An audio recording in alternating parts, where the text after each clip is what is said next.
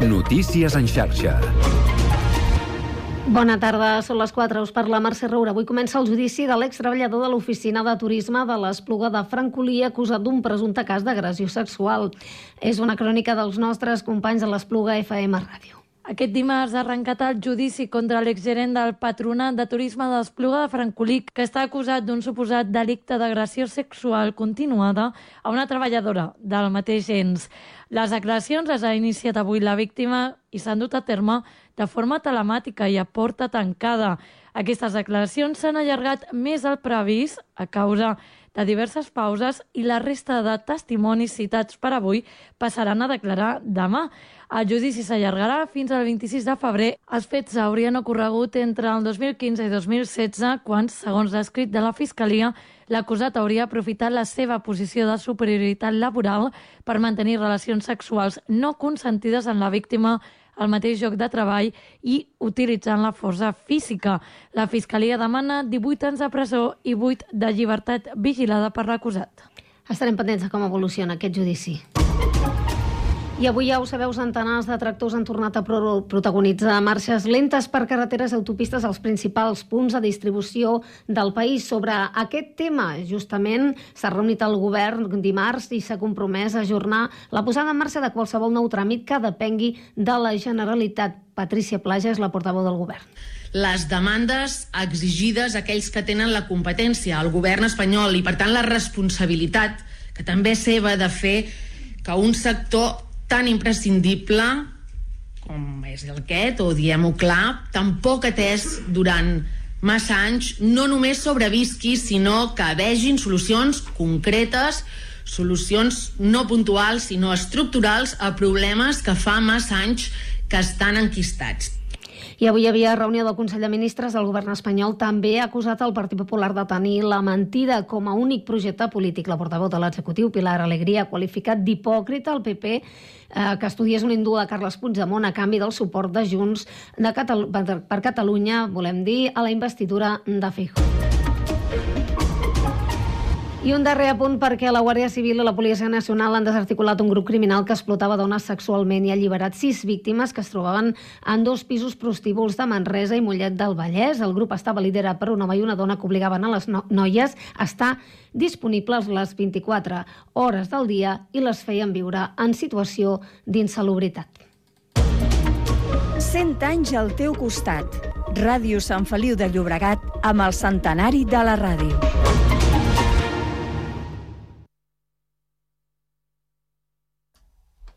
4 i 3 minuts. Comença el Connectats.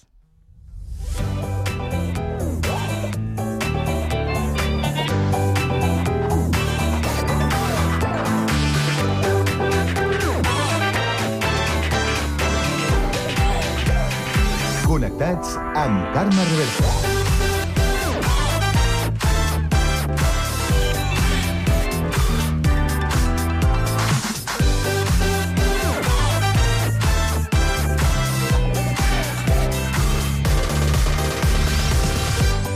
Molt bona tarda, salutacions i benvinguts al magazín de tarda de la xarxa, el Connectats de l'àrea metropolitana de Barcelona, programa que fem i que podeu seguir a través de Ràdio Sant Cugat, Ràdio Sabadell, la Municipal de Terrassa, el Prat Ràdio, Ràdio Ciutat de Badalona i Ràdio Castellà.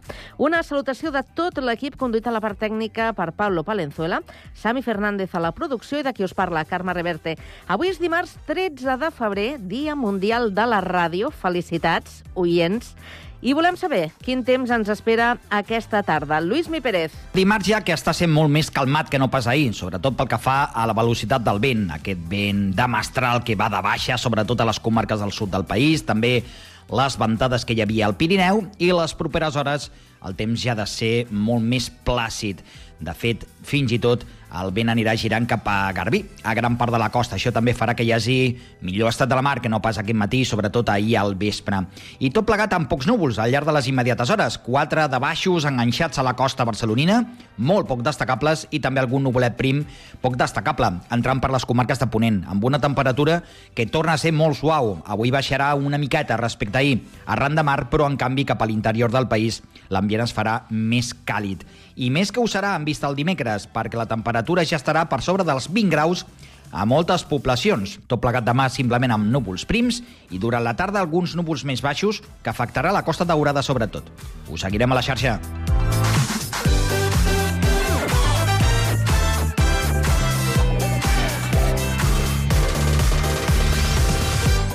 Bé, doncs avui al Connectats descobrirem què és el Shadow Ban a les xarxes socials. Li preguntarem a Sílvia Martínez, professora de Ciències de la Informació i la Comunicació a la UOC i experta en xarxes socials, consum i participació dels usuaris.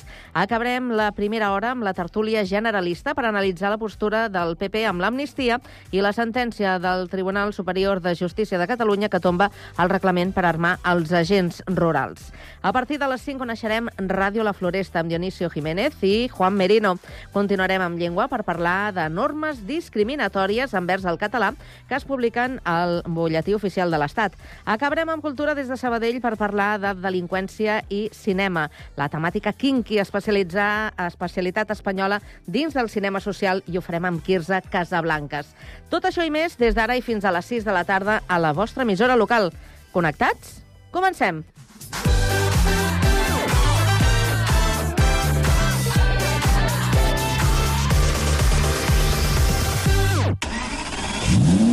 El Connectats del Dia Mundial de la Ràdio se'n va a Castellar del Vallès.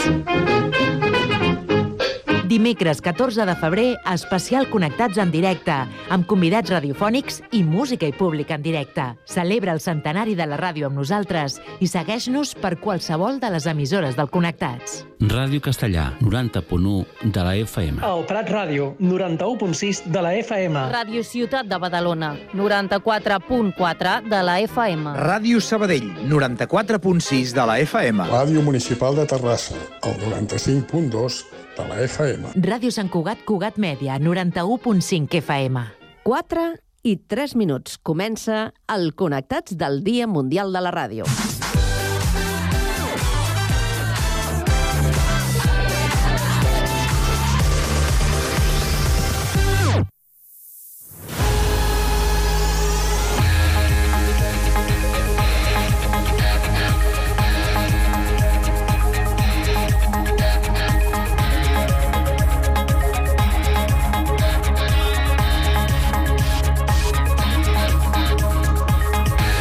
Les 4 i 7 minuts ens actualitzem, ho fem amb la ronda d'actualitat que obrim avui també per Terrassa. Sergi Estapé, bona tarda. Bona tarda. S'ha posat en marxa la planta de convalescència de l'Hospital de Terrassa el primer dels clubs de lectura que organitza el Servei de Voluntariat del Consorci Sanitari de Terrassa.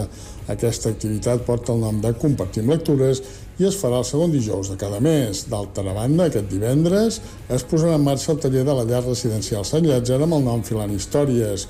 És un taller que es farà el primer divendres de cada mes. Aquests tallers són possibles gràcies a la col·laboració de Bacus Cooperativa, una organització de referència en l'educació, la cultura i el lleure, creant continguts i productes de qualitat per tal de contribuir a un món millor des dels valors del cooperativisme. Hi ha previsió que aquests tallers de lectura es facin fins al juny i passada l'aturada estival es reprenguin el mes d'octubre. El Club de Lectura vol ser un espai on apropar la lectura a les persones ingressades per tal de millorar la seva qualitat de vida durant aquest ingrés, promoure la cultura, oferir un espai de relació grupal mitjançant aquesta activitat i recuperar l'hàbit de la lectura per a aquelles persones que ja el tenien i potenciar nous interessos. També serviran aquests tallers perquè persones amb dificultat de visió puguin gaudir de la lectura gràcies al fet de fer-se en veu alta. En definitiva, els clubs de lectura són uns espais per potenciar la humanització de l'Hospital Universitari de Terrassa i de la llar de Sant Llàtzer. Gràcies, Sergi. Seguim ara per la CUC Capital del Vallès Occidental. Pau Duran, bona tarda. Bona tarda. La connexió del Vallès Occidental i l'Oriental amb el servei de Rodalies de Renfe està un pas més a prop de ser una realitat. El Ministeri de Transports just acaba d'adjudicar l'estudi informatiu per fer-ho possible, amb un cost de prop de 745.000 euros. En un termini màxim de 30 mesos ja haurà d'estar redactat. L'estudi anirà a càrrec de l'empresa TPF Getinsa Aerostudios SL i haurà d'analitzar les diferents alternatives tècniques per fer realitat la connexió de les línies R4 i R8. Una de les opcions que està sobre la taula és la de fer la unió al voltant del centre comercial Baricentro, entre Barberà i Cerdanyola. Un cop feta, la connexió uniria per la via ferroviària per primer cop les línies de Barcelona, Sabadell, Terrassa i Papiol-Mollet. Aquest és un pas que permetria simplificar els trajectes entre els vallesos, una reivindicació històrica, ja que les línies de rodalies de Renfe han seguit sempre un entramat centralitzat que passa necessàriament per Barcelona. D'altra banda, l'estudi adjudicat també té l'encàrrec de comprovar la viabilitat d'una nova estació de la línia R8 a Ripollet. L'actuació s'emmarca en el Pla de Rodalies de Catalunya 2020-2030, que busca millorar la capacitat, la fiabilitat i la resiliència del servei. Gràcies, Pau. Anem ara fins al litoral. Des de Badalona ens informa Santiago Espasa. Bona tarda, Carme. L'alcalde de Badalona, Xavier García Albiol, el de Montcada i Reixac, les alcaldesses de Santa Coloma i Sant Adrià i el tinent d'alcalde de l'Ajuntament de Barcelona s'han reunit aquest dimarts al municipi veí de Santa Coloma per millorar la coordinació policial entre els municipis del Barcelonès Nord. En aquest sentit, s'han compromès la creació d'una comissió intermunicipal de seguretat pública del Barcelonès Nord, la qual es reunirà trimestralment i alternarà les seves sessions entre les diferents juntes locals de seguretat de cada municipi. Albiol ha assegurat que els cossos de la seguretat de Badalona ja han treballat treballat amb èxit, diu, en operacions conjuntes amb els de Sant Adrià i Santa Coloma. Ara s'uneixen els municipis de Montcada i Reixac i Barcelona. Escoltem-lo. Els problemes que es produeixen de petits furs, els problemes que hi ha amb l'ocupació, que això sí és molt important, els problemes que ara tindrem segurament amb el tema de la sequera i possibles incendis, que cal afrontar-los no des d'una visió de ciutat reduïda, sinó una visió molt, molt, molt més global. Hem aprofundit amb aquesta línia de, de coordinació i per poder sobretot afrontar problemàtiques doncs, que afecten de manera molt més, molt més directa. Algunes de les prioritats que s'han establert fan referència als controls de salut pública i armes blanques, als operatius territorials coordinats i la lluita contra les ocupacions amb actuacions integrals. Gràcies, Santiago. Seguim ara al litoral, una mica més al sud. Des del Prat de Llobregat ens informa Luis Rodríguez. Bona tarda. Bona tarda. El Prat Ràdio ha celebrat el Dia Mundial de la Ràdio amb una programació especial des del pati de l'Artesà, un dia especial per commemorar els 100 anys de la creació de la primera sessió radiofònica a Catalunya i en un moment dolç per aquest mitjà. I és que, segons dades de l'Associació Catalana de Ràdio, l'audiència de Catalunya ha aconseguit la millor dada des de l'any 2017, amb prop de 5.300.000 oients. El que també continua creixent és l'escolta de continguts produïts per la ràdio en format podcast, amb un augment de més del 22% a Catalunya. En aquest sentit, aquesta casa ha apostat per aquests nous formats amb propostes com la de Miralls de Memòria, del periodista del Prat Ràdio, Víctor Asensio, que s'estrena aquesta mateixa tarda. Gràcies, Lluís, i aprofitem, ja que parlem del Dia Mundial de la Ràdio, per recordar-vos que el Connectats ho celebra demà. I ho farem des de Castellà del Vallès amb un programa especial en directe i en públic. Tenim algunes sorpreses preparades. Dit això, continuem el repàs precisament ara informant de l'actualitat de Castellà. Guillem Plans, bona tarda. Bona tarda. Josep Lluís Badal acaba de publicar Bergol, la vida variada de Bergol Petit en una àrea i 30 variacions a l'editorial Animal Llibres. El poeta narrador assagista i professor de l'Institut Puig de la Creu, ha escrit un llibre que neix de la seva passió per Johann Sebastian Bach. El volum inclou 30 capítols que coincideixen amb les 30 variacions i també una àrea. Els textos de Bergol es poden llegir perfectament a l'hora que s'interpreta la música. Gràcies, Guillem. I abans d'acabar, un repàs a l'actualitat de Sant Cugat que ens porta Sami Fernández. Bona tarda, Sami. Bona tarda. La coordinadora de FES de Sant Cugat ha convocat, a petició de diferents famílies de la ciutat, una concentració per denunciar el genocidi a Gaza, aquest dissabte 17 de febrer a les 12 del migdia a la plaça d'Octavià. La idea inicial de les famílies era organitzar una jornada festiva a la plaça del Monestir, de, des de les 11 del, a les 2 del migdia, però l'Ajuntament els ho van denegar perquè els hi van dir que la plaça no estava disponible i els hi van oferir la plaça de l'1 d'octubre. La coordinadora va preguntar tres vegades per què no podien fer a la plaça d'Octavià i davant el silenci del consistori han canviat de plans, tal com ho explica la Riqui Benito, representant de les famílies impulsores de l'acte. Com que se'ns desplaça a una altra plaça menys menys cèntrica, menys visibilitat, i entenem que no hi ha un motiu justificat. L'hem demanat tres vegades i no ens han donat. Doncs optem per demanar una concentració i fer la sol·licitud a interior, i per tant ens trobarem a les 12, no podrem fer totes les activitats que teníem previstes, però sí que, que, que ens podrem manifestar Cugat Media ha preguntat a l'Ajuntament els motius de la denegació del permís per fer l'acte previst a la plaça d'Octavià i la resposta ha sigut que aquest espai cèntric de la ciutat ha tingut molts actes aquest cap de setmana de Carnaval i, a més, fins a altes hores de la nit i que per aquest motiu des de la Comissió de Via Pública es va proposar la plaça de l'1 d'octubre perquè els hi permetia donar un respir a la plaça d'Octavià i evitar actes seguits cada cap de setmana en un mateix espai, segons fons municipals. Segons Riqui Benito, a, ells l'Ajuntament no els havien donat cap motiu per la denegació de l'espai. Per tant, arrel d'aquí entenem que la decisió eh, és política i, i que encaixa una mica a tots els fets que hem vingut succeint des de les cartes que han enviat la regidora als centres, el prec per despenjar el Guernica de l'escola Pinta Vallès, etc etc. Poc després del comunicat de la coordinadora de FES, la CUP també ha enviat una nota de premsa per expressar el seu suport a la concentració del dia 17 de febrer i per demanar que el govern deixi de perseguir i posar entrebancs a les expressions en suport al poble palestí.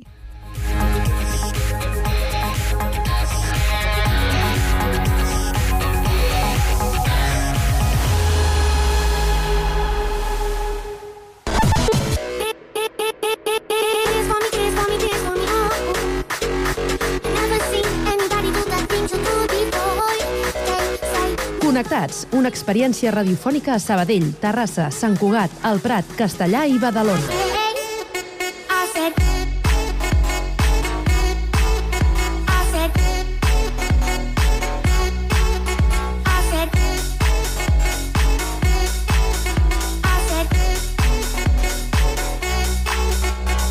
Connectats amb Carme Reverte.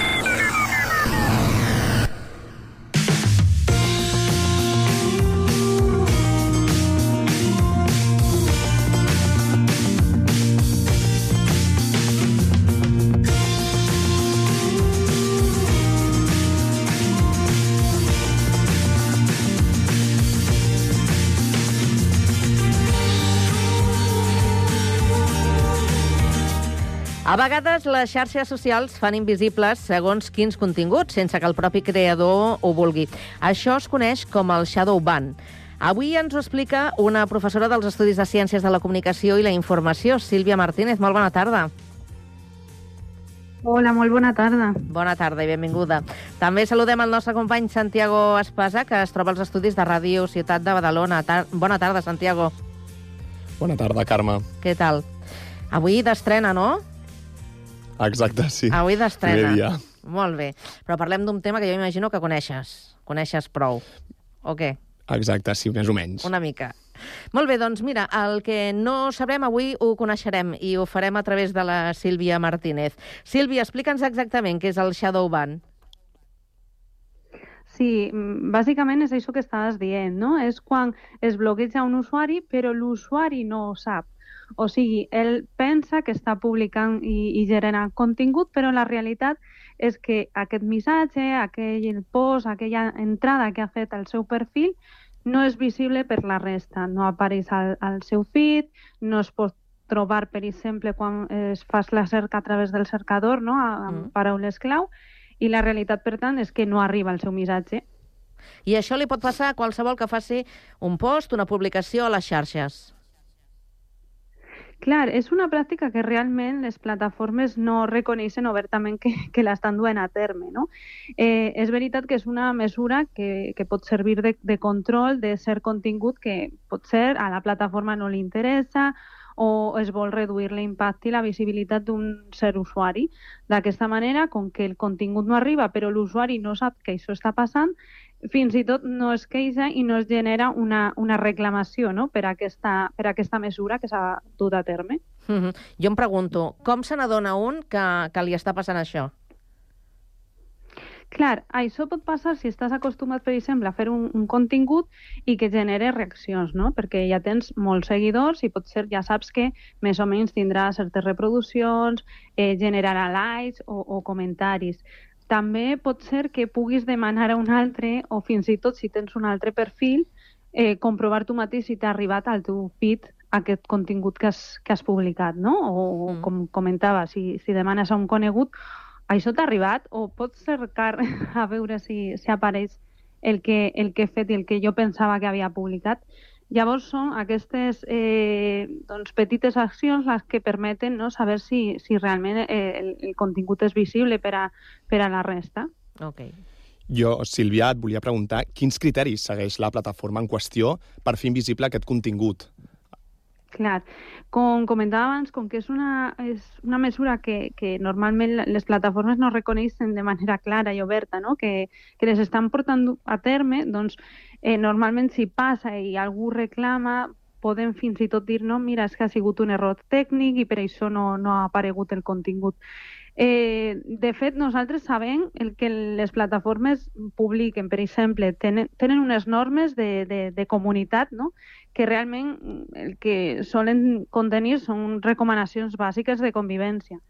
Però, clar, mm, tenen aquesta capacitat de, de, de gestionar la visibilitat del contingut. Per exemple, tots sabem no? el tema de, del funcionament dels algoritmes que n'hi ha al darrere, que són aquestes eines les que mm, han, doncs, les indicacions i instruccions que, que han donat les que marquen una mica aquesta visibilitat que comentava. Això passa constantment, és a dir, nosaltres no sabem ben bé com aquest algoritme funciona i realment l'impacte i la visibilitat que tindrà el nostre contingut.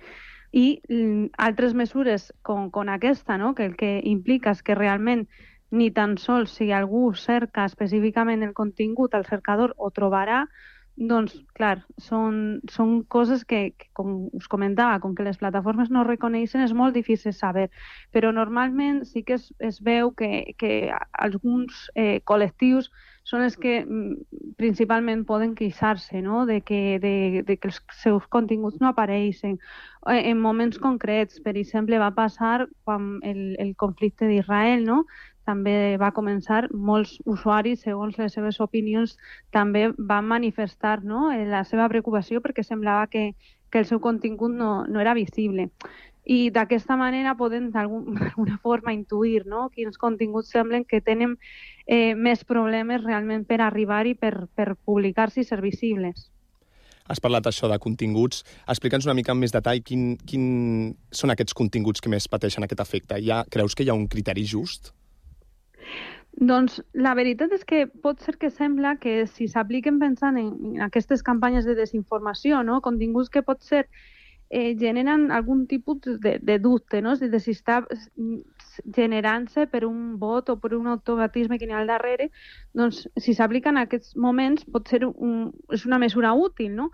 Pot ser que després resulti que realment no, no, no és el cas, no? de que sigui una desinformació o un vot el que hagi generat, però és una primera mesura que pot mm, realment ser, ser positiva. I després, com comentava, no? determinats mm, moviments socials, determinats grups o determinats moments també són els que semblen que generen, per, per ser continguts més sensibles, eh, doncs aquestes, aquest tipus de, de, de mesures o de pràctiques que, com deia, és molt difícil que les plataformes reconeguin que, que ho han fet, no?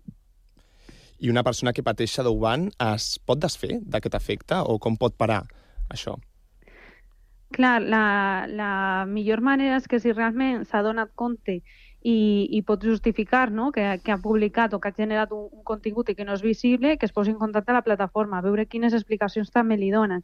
Normalment, com, com comentava, eh, pot ser que digui, mira, no, ha sigut un error tècnic, un problema més tecnològic que, que de, de, en altres característiques, però que eh, mirin llavors de, de tornar a publicar-lo, no? Però mm, verdaderament és, és, és complicat, no? Aquesta part del, del que pot fer l'usuari a, a, a banda d'això, eh? de reclamar a la, a la plataforma o fins i tot intentar fer-lo públic per d'alguna manera, eh, si altres veus s'unissin no? a aquesta queixa, doncs aconseguir que la plataforma torni a dar visibilitat a, a segons quin contingut. Però llavors, Sílvia, pot passar que, eh, que no s'informi a l'usuari que se li està fent shadowban o, o sí s'informa? No, no, no, no, no. Per, per tant, és, o sigui, l'expressió en si mateix ja ho diu no? És, és un bloqueig amagat, o sigui, no es, no es manifesta directament ni, mm -hmm. ni a l'usuari ni fins i tot quan es reclama o, o, o fa la queixa es, e, es reconeix que s'ha fet això, no? O sigui, e, aquesta part és la, és la complicada i de fet el seguiment que, que podem fer no? en, en estudis és eh, de manera molt, molt puntual, recollint aquestes evidències de, de publicacions o gent que sembla que ha publicat un contingut i no el troba, per fer una mica d'aquest seguiment, de veure quines temàtiques, en quin moment, però moltes vegades es basa en la percepció de la, de la persona, no? que, que pensa, doncs mira, és que jo, jo normalment rebo mm, un impacte, eh, el, el meu missatge eh, sé que genera likes, que genera comentaris, i això no està passant. O sigui que alguna cosa està, està fent que, que el meu contingut no tingui aquesta mm. visibilitat que normalment he tingut. I això, Sílvia, passa a totes les plataformes o hi ha unes més que altres? Clar, normalment les queixes, això que, que us comentava, no, de les percepcions, la gent que, que ho denuncia de, de manera pública, eh, està molt vinculada en les plataformes eh, més majoritàries o que tenen un volum d'usuaris més, més gran i que també tenen una implantació a nivell mundial, no? Parlem de eh, totes les, les plataformes pot ser relacionades amb, amb Meta, com per exemple Facebook, eh, també eh, Twitter, ara X, no? Eh, són aquests tipus de, de plataformes que pot ser eh, reben més cases o la gent públicament manifesta que s'ha sentit d'aquesta manera bloquejada. I ara, parlant una mica de salut mental, patir shadowban pot comportar efectes psicològics en l'usuari? Doncs clar, sobretot la gent que potser no, no pensi que té a veure no? en, en una mesura que la plataforma està, està aplicant. No? Si pensa que realment si tenia un cert interès al seu contingut, tenia uns certs usuaris, una certa comunitat no? que participava quan eh, aquesta persona s'expressava, si troba que això eh, ja no és el mateix, no? Que, que el seu contingut no genera interès, que la gent no participa, potser això afecta no? a, a nivell personal, a nivell també mental, com deies, eh, i, i genera sobretot un tema de, de, de crisi potser d'autoestima, no? de, de pensar que, que és el que este, estic fent malament, no? alguna cosa és el que ja no connecto no? en, en aquesta gent, en aquestes persones que abans semblava que sí que, que agradava el que jo, el que jo deia i compartia. Clar, tu abans has dit que moltes plataformes justifiquen el seu ban per errades en l'algoritme, però realment hi ha algú al darrere que escull quin contingut es visualitzarà i quin no? Doncs mira, eh, sí que és veritat que, que fins i tot eh, els governs demanen un cert control d'allò que s'està movent a través de, de les plataformes socials. Hem de pensar eh, l'impacte que té, no? tot el contingut que, que es genera, eh, es comparteix, eh, el que passa, per exemple, en campanyes de desinformació eh, i, i tot això, mm, lògicament, les plataformes tenen una certa responsabilitat, sobretot per, per això, posar mesures quan, quan passin de certes coses, no? Penso ara eh, el, el, un cas molt recent, en Taylor Swift, per exemple, no? el, el vídeo que es va compartir de deepfakes. Clar, això, les plataformes, quan això passa, es comunica, se s'aventen no? de que s'està compartint aquest contingut, han de, han de prendre mesures ràpidament no? per, per d'alguna manera que eh, el, tot el perjudici que pugui haver eh, o pugui tenir aquesta persona no, no continue. Llavors, eh, sí, aquesta part de, de, de control, de seguiment de la conversa s'ha de fer. Sílvia, tu consideraries censura, això? Clar, eh, quan no n'hi ha unes normes clares, quan no es sap eh, realment si un contingut eh, no, es, no es fa visible, lògicament eh, la transparència no existeix. Tot el que té a veure en limitar l'expressió de la gent i no s'explica d'una manera lògica, clara, en uns principis i unes normes eh, e, evidents, no? I, i que la gent conegui quan, quan decideix crear un perfil i participar en aquella plataforma, lògicament es pot entendre un, con una certa censura per, per això, eh? justament perquè és una part que no, que no és transparent i no s'està comunicant. Mm -hmm. Bé, doncs avui hem abordat el tema. Eh, tots, qui més qui menys, eh? tenim eh, xarxes socials, les fem servir uns més i altres eh, menys. Eh, jo no sé, Santi, en el teu cas, tu has detectat alguna vegada que t'hagin fet eh, Shadowban? Jo, en el meu cas, no ho he detectat. Tampoc sóc un creador de continguts. Eh, llavors, no, no ho he detectat. Sóc més usuari i consumidor que, que creador. Uh -huh. Molt bé, doncs uh, Sílvia, t'agraïm moltíssim que avui hagis passat uh, pel Connectats a donar-nos més informació sobre aquesta pràctica que és tan uh, usual, tan habitual uh, quan parlem de xarxes socials. Moltíssimes gràcies i molt bona tarda. Moltes gràcies a vosaltres. Bona tarda. Gràcies, Santi. Bona tarda. Bona tarda.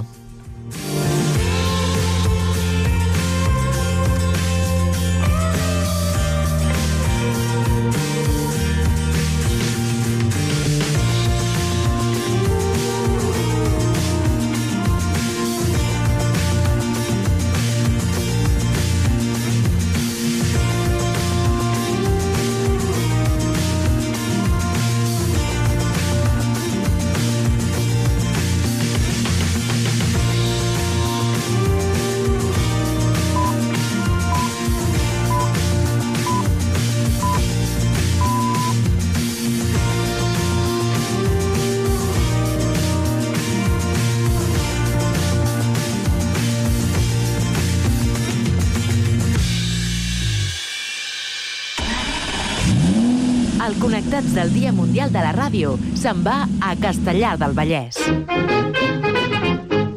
Dimecres 14 de febrer, especial Connectats en directe, amb convidats radiofònics i música i públic en directe. Celebra el centenari de la ràdio amb nosaltres i segueix-nos per qualsevol de les emissores del Connectats. Ràdio Castellà, 90.1 de la FM. El Prat Ràdio, 91.6 de la FM. Ràdio Ciutat de Badalona, 94.4 de la FM. Ràdio Sabadell, 94.6 de la FM. Ràdio Municipal de Terrassa, el 95.2 de la FM. Ràdio Sant Cugat Cugat Mèdia, 91.5 FM. 4 i 3 minuts. Comença el Connectats del Dia Mundial de la Ràdio.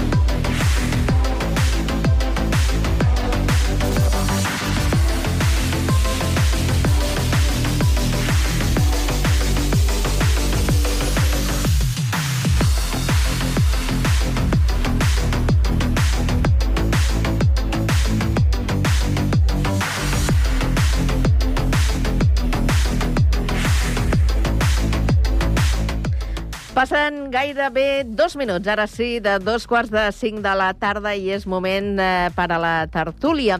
Generalista d'aquest dimarts que avui compartirem amb l'Ester Amiel, que és artista i activista i la tenim a Sabadell. Ester, bona tarda.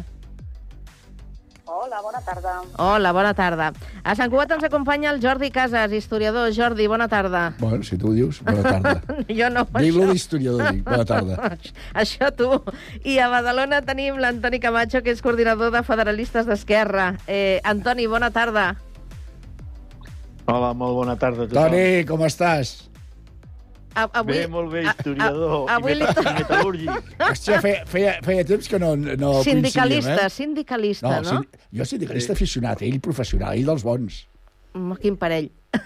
No, no, home, venia, eh, venia de la Pegaso, eh? Poca broma, eh? Sí, sí. A veure si ens... Eh, Quins fums, eh, el Pegaso? Eh, de l'escola d'aprenents de la Pegaso. Això ja són paraules majores, eh? Molt bé. Eh que sí, Toni? Escolta, què Sí, us sembla... senyor, molt ben digues, informat. digues. Veus? Si és que, de veritat. Uh, avui sabeu que és el Dia Mundial de la Ràdio, no? Sí. Val. Nosaltres Sí. ho, ce- ho celebrem demà, eh? Anem a Castellà a fer un programa especial des de la Biblioteca Municipal, en públic, i per celebrar-ho com, com toca i com cal. Com diu la meva mare, en vida vostra, sí.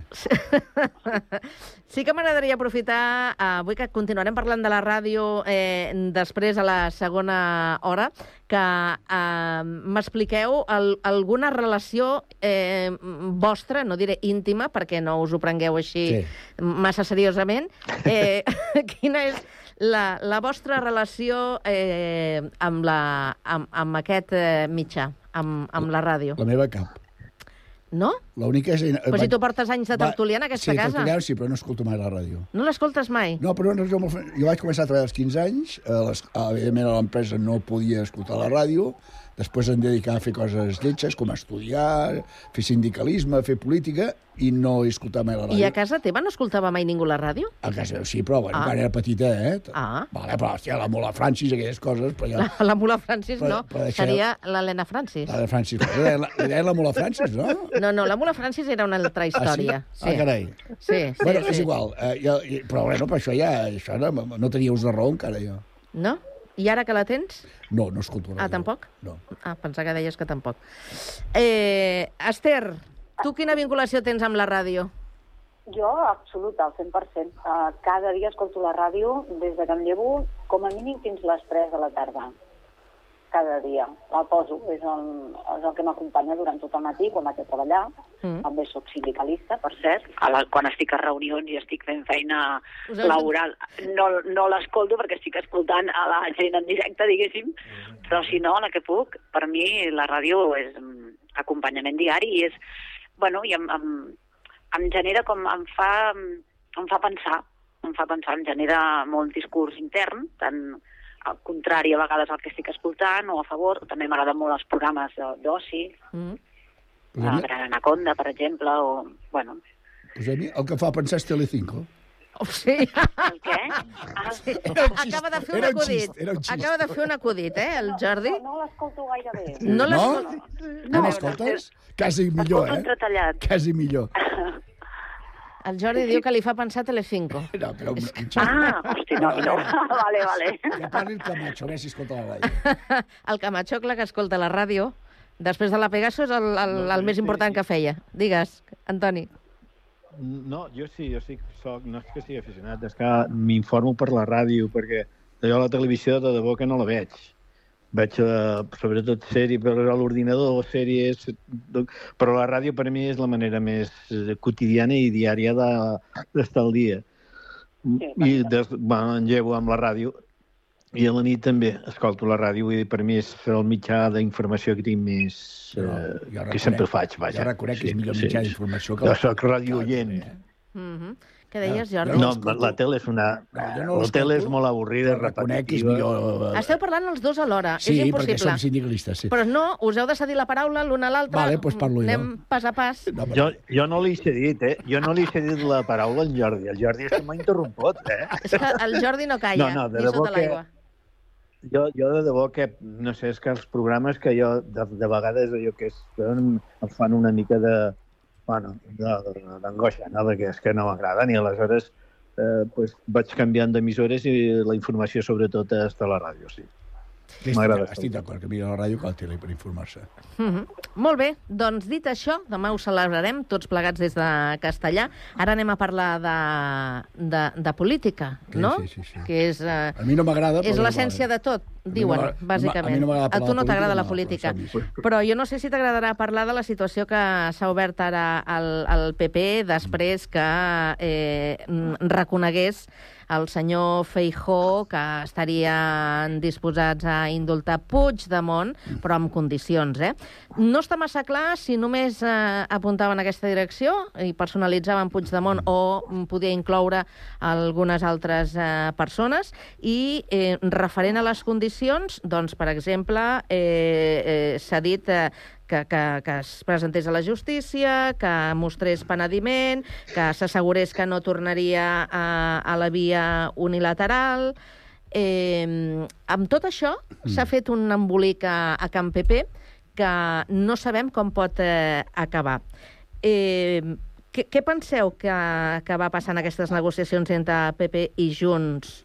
Perquè eh, Feijó eh, ara surti reconeixent que, que hauria estat d'acord en, en concedir aquesta amnistia? El Feijó ha passat aquella frase que a hierro mata, a hierro muere, no? Eh, el Feijó, clar, la, i el PP, eh, eh, el, el tema de l'amnistia ha sigut una puntallança fonamentalment, en part per oposició intrínseca a la que representa i tal, però sobretot també per desgastar políticament el govern de coalició progressista, això és claríssim, no? Clar, eh, eh, el, eh, arran precisament de que el PP també va portar el tema al Parlament Europeu, va ser quan va sortir aquella carta del Puigdemont que diu se sabrà tot. Només amb el se sabrà tot ja ha sortit... No sé, imagina el que s'ha de, lo, lo que s'ha de poder saber perquè se li hagi posat el culet així, perdó, i hagi dit el que ha dit en, plenes, en plena campanya de les eleccions europe- De les gallegues. gallegues, que li poden rebentar, que els hi va, els hi va, els hi va molt justet, eh? Li poden rebentar, no sé, eh, seria curiós de saber exactament el que va dir, sí. Esther, se, O sab... el que els hi va proposar, vaja. se, se sabrà tot? Ha, ha estat, eh, diguem, a l'espurna que ha fet... Eh... Mm, Bueno, sí, sempre diuen, ai, si es tira de la manta en qualsevol tema. Ai, quan Sí. es tiri de la manta. No s'acaba tirant mai de la manta o la manta ja està molt corcadeta i ja no hi ha res a sota perquè s'ha produït tot i ha desaparegut.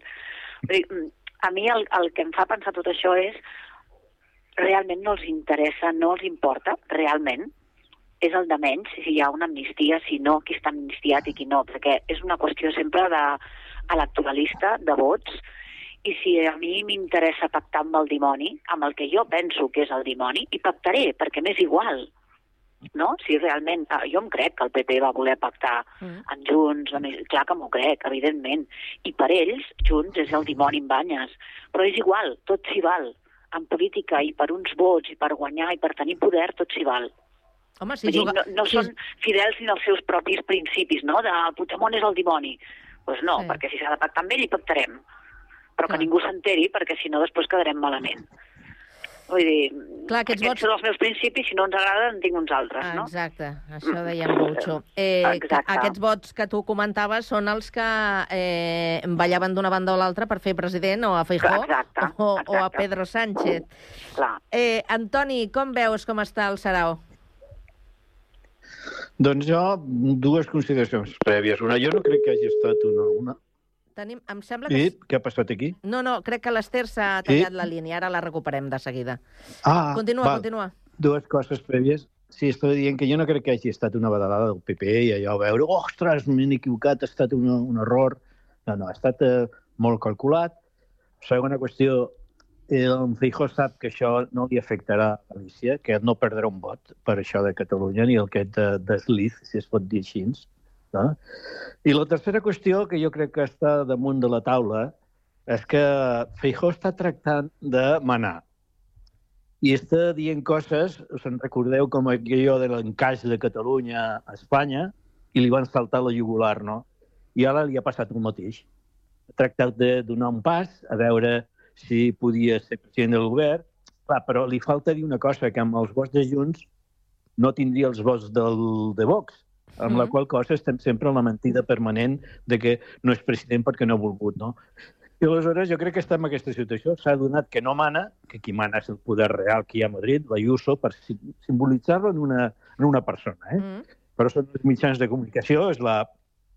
I aleshores doncs, ha, ha tingut de, que tornar al discurs tan, tan excloent i tan fastigós no? que estan fent d'insults i de que ells, no- ells no ho faran mai, això és una traïció a Espanya, Espanya es trenca, i estem en aquestes circumstàncies. El que passa és que s'hi pot afectar amb unes, eh, si, si hi hagués que no hi haurà un avançament electoral. No? Això sí que podria afectar-li. Però com amb la, la legislatura que va començar, doncs ha tractat de fer aquestes coses i s'ha donat que no mana, sap que a Galícia no li afectaran vots, i, i, bueno, i a partir d'aquí el, el problema que hi ha a Galícia és que si hi ha una alta participació sí que és possible que perdi o que no tingui la majoria absoluta.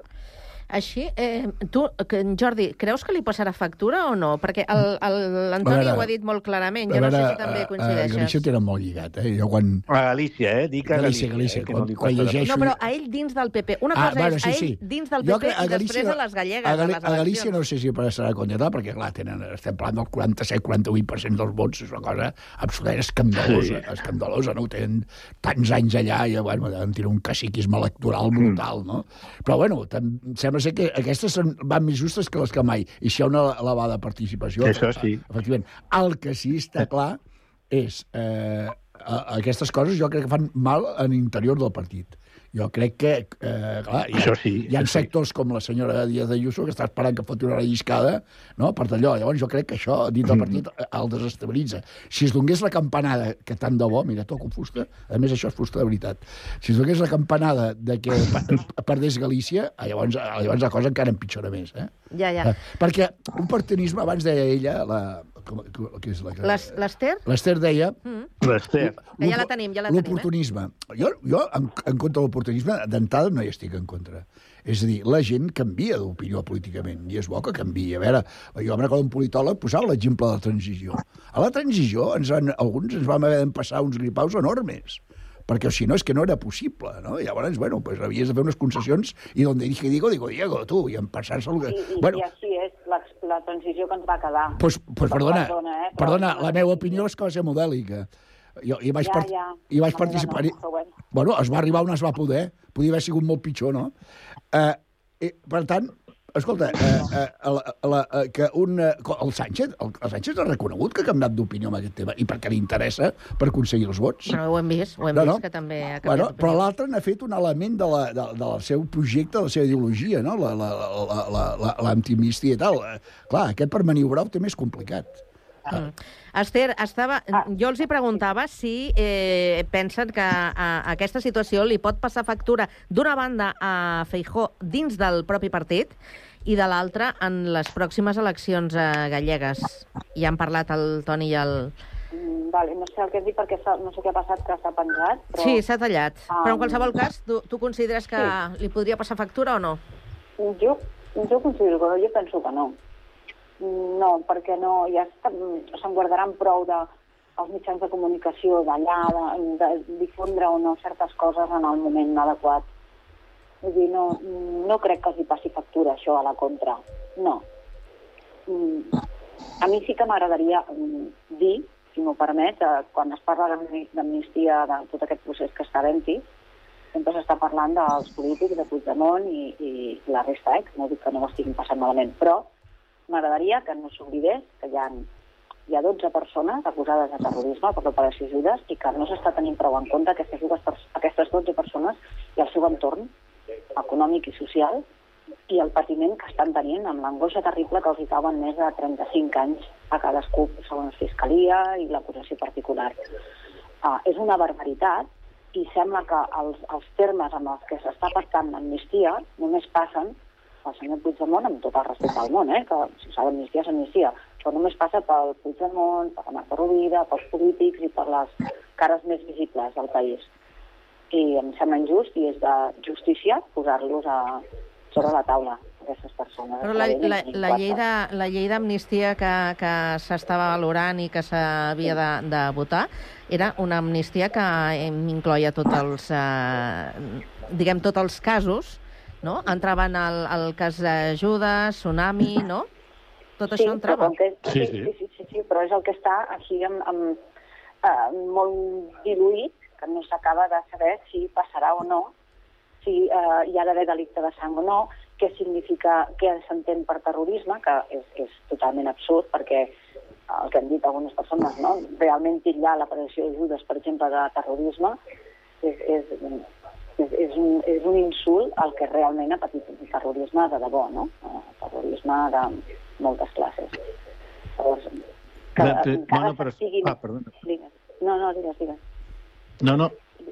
Ah, no, no, però jo crec que ja tothom, fins i tot amb aquestes converses, aquesta declaració que va fer el PP el cap de setmana, reconeixen que això de terrorisme no hi cap, que això és una bajanada No, doncs, que per no cap, mantenir la pressió justícia, permanent i no, tal. I la, no, i la però el- el- judicatura... Però l'estament No, no, jurídic, però- però que deixa'm- és el que deixa'm- la transició ha sigut... Deixa'm, deixa'm, deixa'm, deixa'm acabar, de, de- deixa'm I acabar. No, no, Digues, digues. però dic que això, eh, qui està fent més malament en aquest moment a la llei d'amnistia és Junts, votant en contra i tractant d'incloure precisament O no. una cosa que seria molt, molt fotuda, O no, és no, incloure no, o tra- eh, el tema de del terrorisme.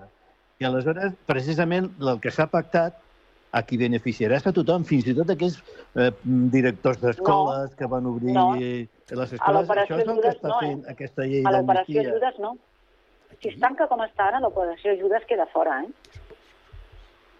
No, no. Quina és l'operació Judes? Perdona, ara no.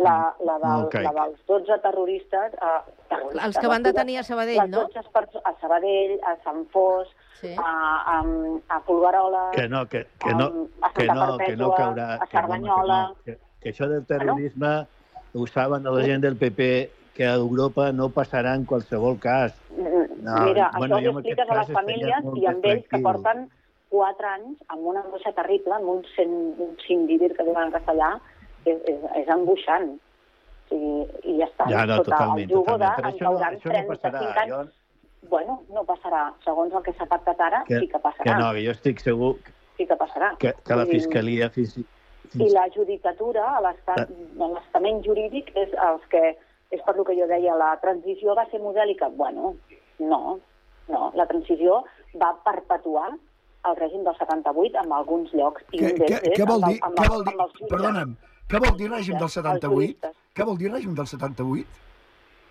El règim del franquisme. Ah, el règim del estaven ben 78? posats. És el règim del franquisme? Sí. Perdona, el 78 és l'any de la Constitució, eh? Sí, sí. Ah, i això, Sí, és, i això és continuació del franquisme, la Constitució? Mm. Hòstia! Per, per mi sí. Llegeixa't, la, llegeixa't aquell apartat últim que diu que queden No derogats. depurat, no, no, no, de, de, de, llegeix No la transitòria, llegeix la transitòria que diu que queden derogades totes les lleis del franquisme. Llegeix-te-la. Sí, sí. Vale, sí, vale. sí. Sí, Però sí. els jutges continuen sent els mateixos. Els, bueno, El, el, el, les, les, No, home, no. la majoria han mort. La majoria han mort, home, la majoria han Han mort. mort, la majoria. L'essència, l'essència, alguna cosa, alguna cosa queda. Home, sisplau. No, no, en absolut, Sí, home, en és igual, si vosaltres voleu autonomitzar... El que passa és que... No, no, tu, tu, tu, No, no, no, no, no, no cridis, que jo estic aquí, no, no, eh? però tu vas viure la transició i vas viure el franquisme? Sí. No. De quin any ets? Sí, De quin any ets? sí. De quin any ets tu? Perdona.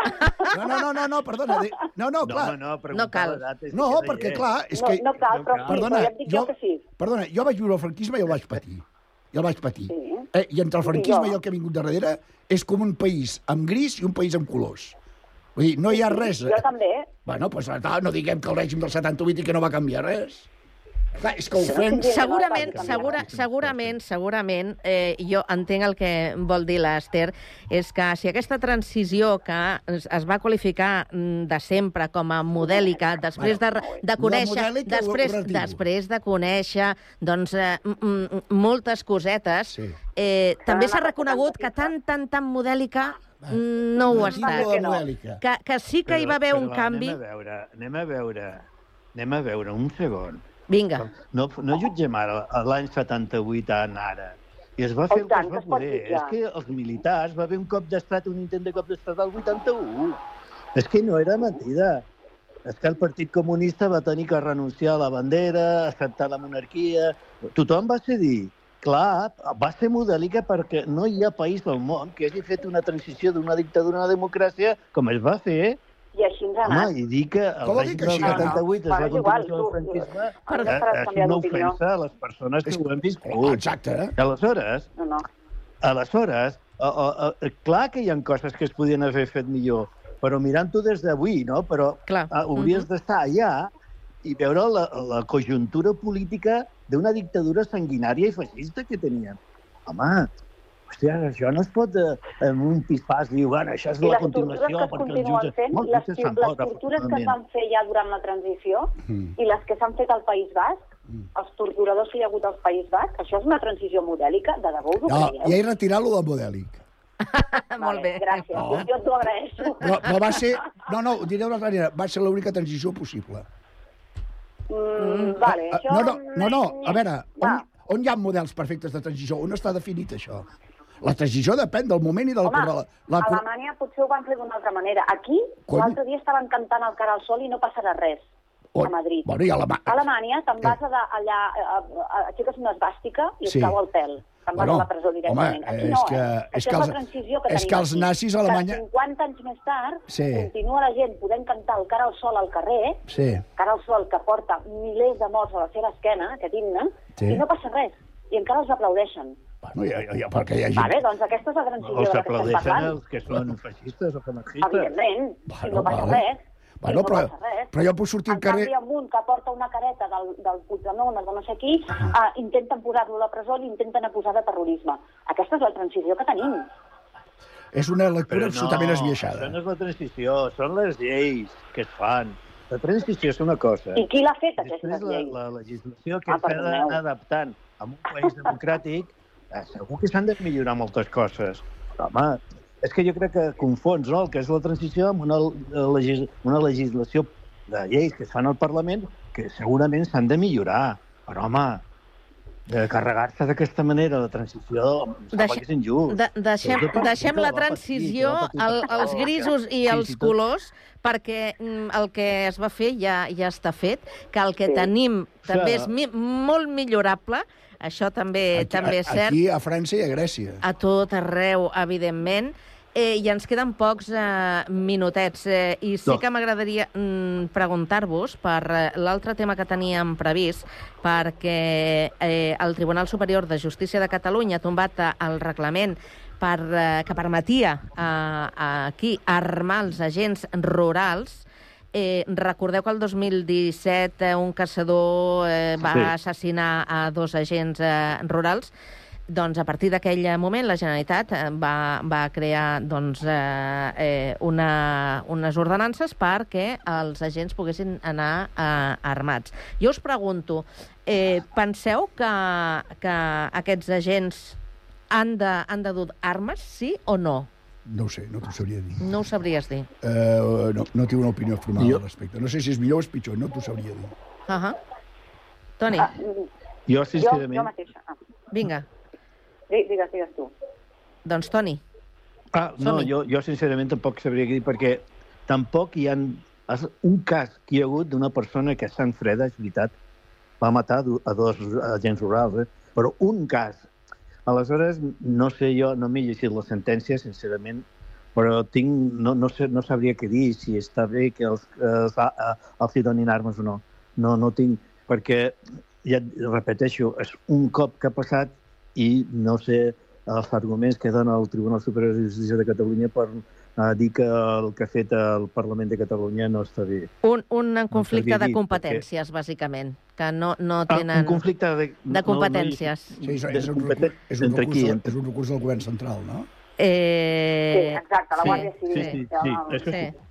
sí, Jo, sí. amb- molt ràpid, Esther. La meva Val, val. opinió, sí. Ah, Jo soc de l'opinió que quan menys armes hi hagin voltant pel món, millor. Això segur. Per, partint d'aquesta base, eh, el, bo, el camp, el bosc, mm, quan menys encara, millor. I aquest senyor que va matar, aquest ésser que va matar, eh, era un assassí en potència i hagués pogut matar en qualsevol altre lloc. No sé si el fet de que els agents portessin armes hagués solucionat que no haguessin estat morts també per aquest assassí. Vull dir Molt bé. Doncs ho hem de deixar aquí, Antoni, Jordi, Esther. Eh, gràcies per aquesta estona de conversa. De tertúlia modèlica a la ràdio. Això, això sí que ha sigut una tertúlia és que modèlica. passa- és el que passa amb la gent civilitzada. Ja, sí, sí, sí. Dos, Sí, sí. Tres sindicalistes avui, vinga. Vaja. Que vagi molt bé la Vinga, tarda. Un plaer. Gràcies. Cuideu-vos. Vale, adéu, Adéu. adéu, Jordi, Adéu, Esther. bona Adéu. tarda. Abraçada.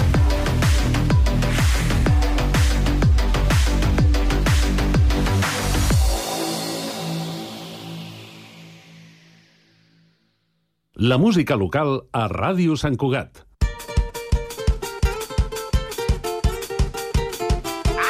No recordo ni quan vaig marxar. Fa més temps del que vull pensar. Em faig el fort i tiro endavant. I no t'ho dic, però trobo a faltar. Si pogués tan sols un moment pensar en tot el que hauria pogut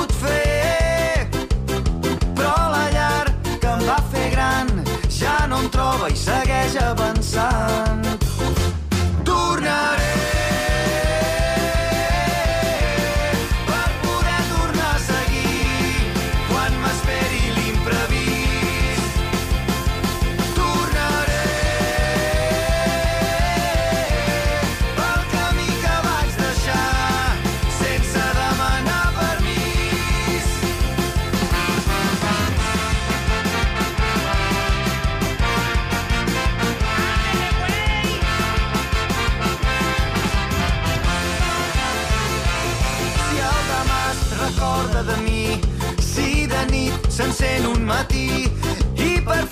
Sembli que va bé i una espurna il·lumina el camí. Quan de cop s'il·lumini l'albada, quan mirem la lluna que s'amaga, quan trobem un retorn de nostàlgia i compartim la mateixa mirada. Tornaré